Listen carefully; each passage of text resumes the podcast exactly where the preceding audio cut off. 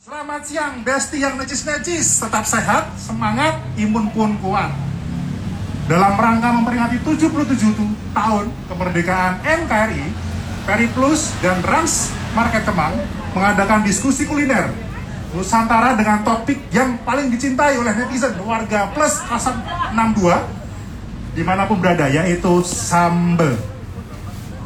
Siapa tidak tahu dengan sambal? Kebanyakan lebih dikenal dengan kata sambal, alih-alih sambal.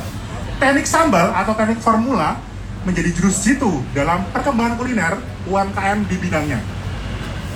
Setiap mie instan yang diberi tambahan atau label sambal mata atau sambal terasi mendadak instagramable atau tweetable bahkan auto hashtagable atau setiap ayam goreng crispy yang digeprek dan dilabeli sambal tomat mentah level 10 pun langsung menjadikannya menu chef pilihan chef. Tanpa berlama-lama, kita akan bersiap memulai acara pada siang dan pagi hari ini. Kami perkenalkan moderator kita nanti sedang mengobrol Mbak Ade Putri.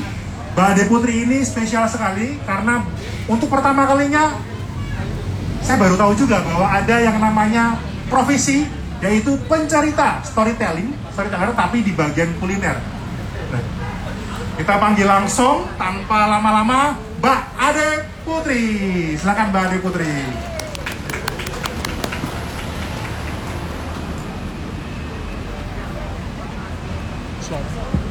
Selamat pagi semuanya. Selamat. Sudah siap uh, menikmati sambal atau sebagian harusnya udah icip ya? Mudah-mudahan nggak kepedesan, tapi kalau kepedesan di sebelah sana ada air minum yang bisa diambil.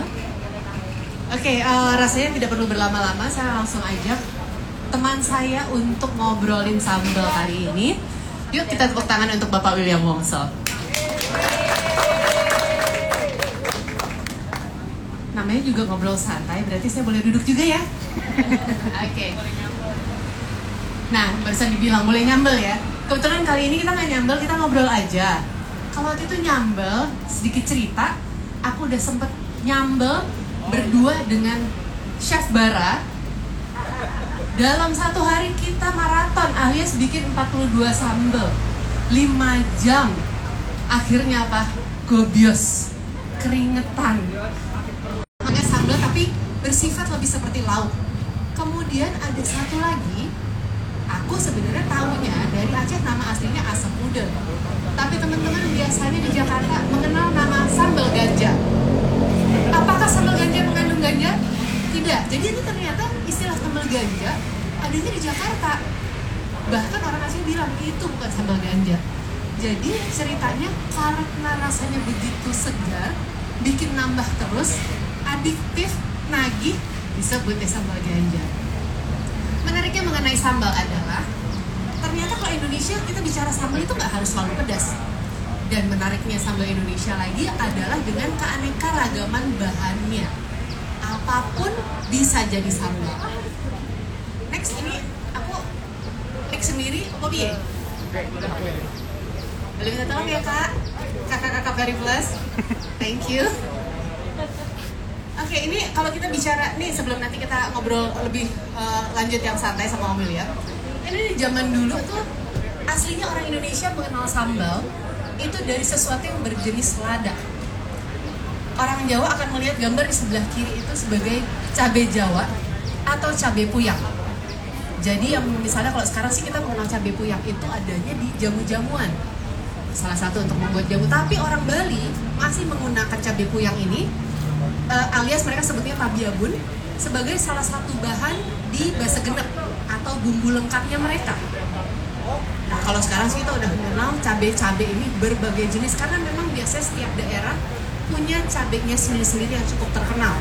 Ini di tengah aku ada gambar cabai katokon dari Toraja, yaitu pedasnya nyelekit luar biasa. Dan sebelah kanan cabai, uh, cabai rawit biasa.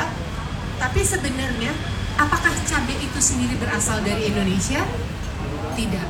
Jawabnya memang ada yang membawa ke sini kalau menurut data dulu sebelum abad ke-16 makanan Indonesia itu didominasi oleh warna kuning. Dari apa? Dari kunyit. Kalau misalnya ada rasa pedas atau panas itu datangnya dari jahe. masih dari rimpang-rimpangan. Tapi mulai abad ke-16, Indonesia sudah mulai punya banyak masakan pedas. Ini ada catatannya. Jadi kalau misalnya kita lihat uh, serat centini, itu tercatat. Di sana kalau nggak salah ada sekitar 16 makanan yang sudah mengandung nama sambal atau pedas. Next. Nah ini sebenarnya cuma sedikit gambar-gambar untuk kayak memikat. Tapi mungkin kita nggak perlu lama-lama. Ini sambil gambar-gambarnya nanti bisa dilihat. Nah ini nih. Ada 322 jenis sambal. Tapi data ini tahun 2018 yang disebutkan dan dicatat oleh Profesor Mulyati Gargito seorang guru besar pangan dari UGM angka ini terus bertambah karena di tahun 2016 jumlahnya sendiri masih yang tercatat oleh Profesor Mur dan timnya itu 260-an artinya dalam setahun aja ini ada nambah Nah ini kalau misalnya ngelihat ada angkanya 43% dari Jawa dan lain-lain mungkin akan berubah ya kalau kita ngomongin tahun 2022 sekarang. Tapi yang menarik lagi, saya dan Chef Bara sempat ngobrol sama uh, Profesor Mur. Dibilangnya gini, tidak semua sambal beneran berupa sambal. Ada yang sambal itu sebagai lauk. Teman-teman mungkin pernah makan ya sambal goreng, sambal goreng ati kalau lagi lebaranan.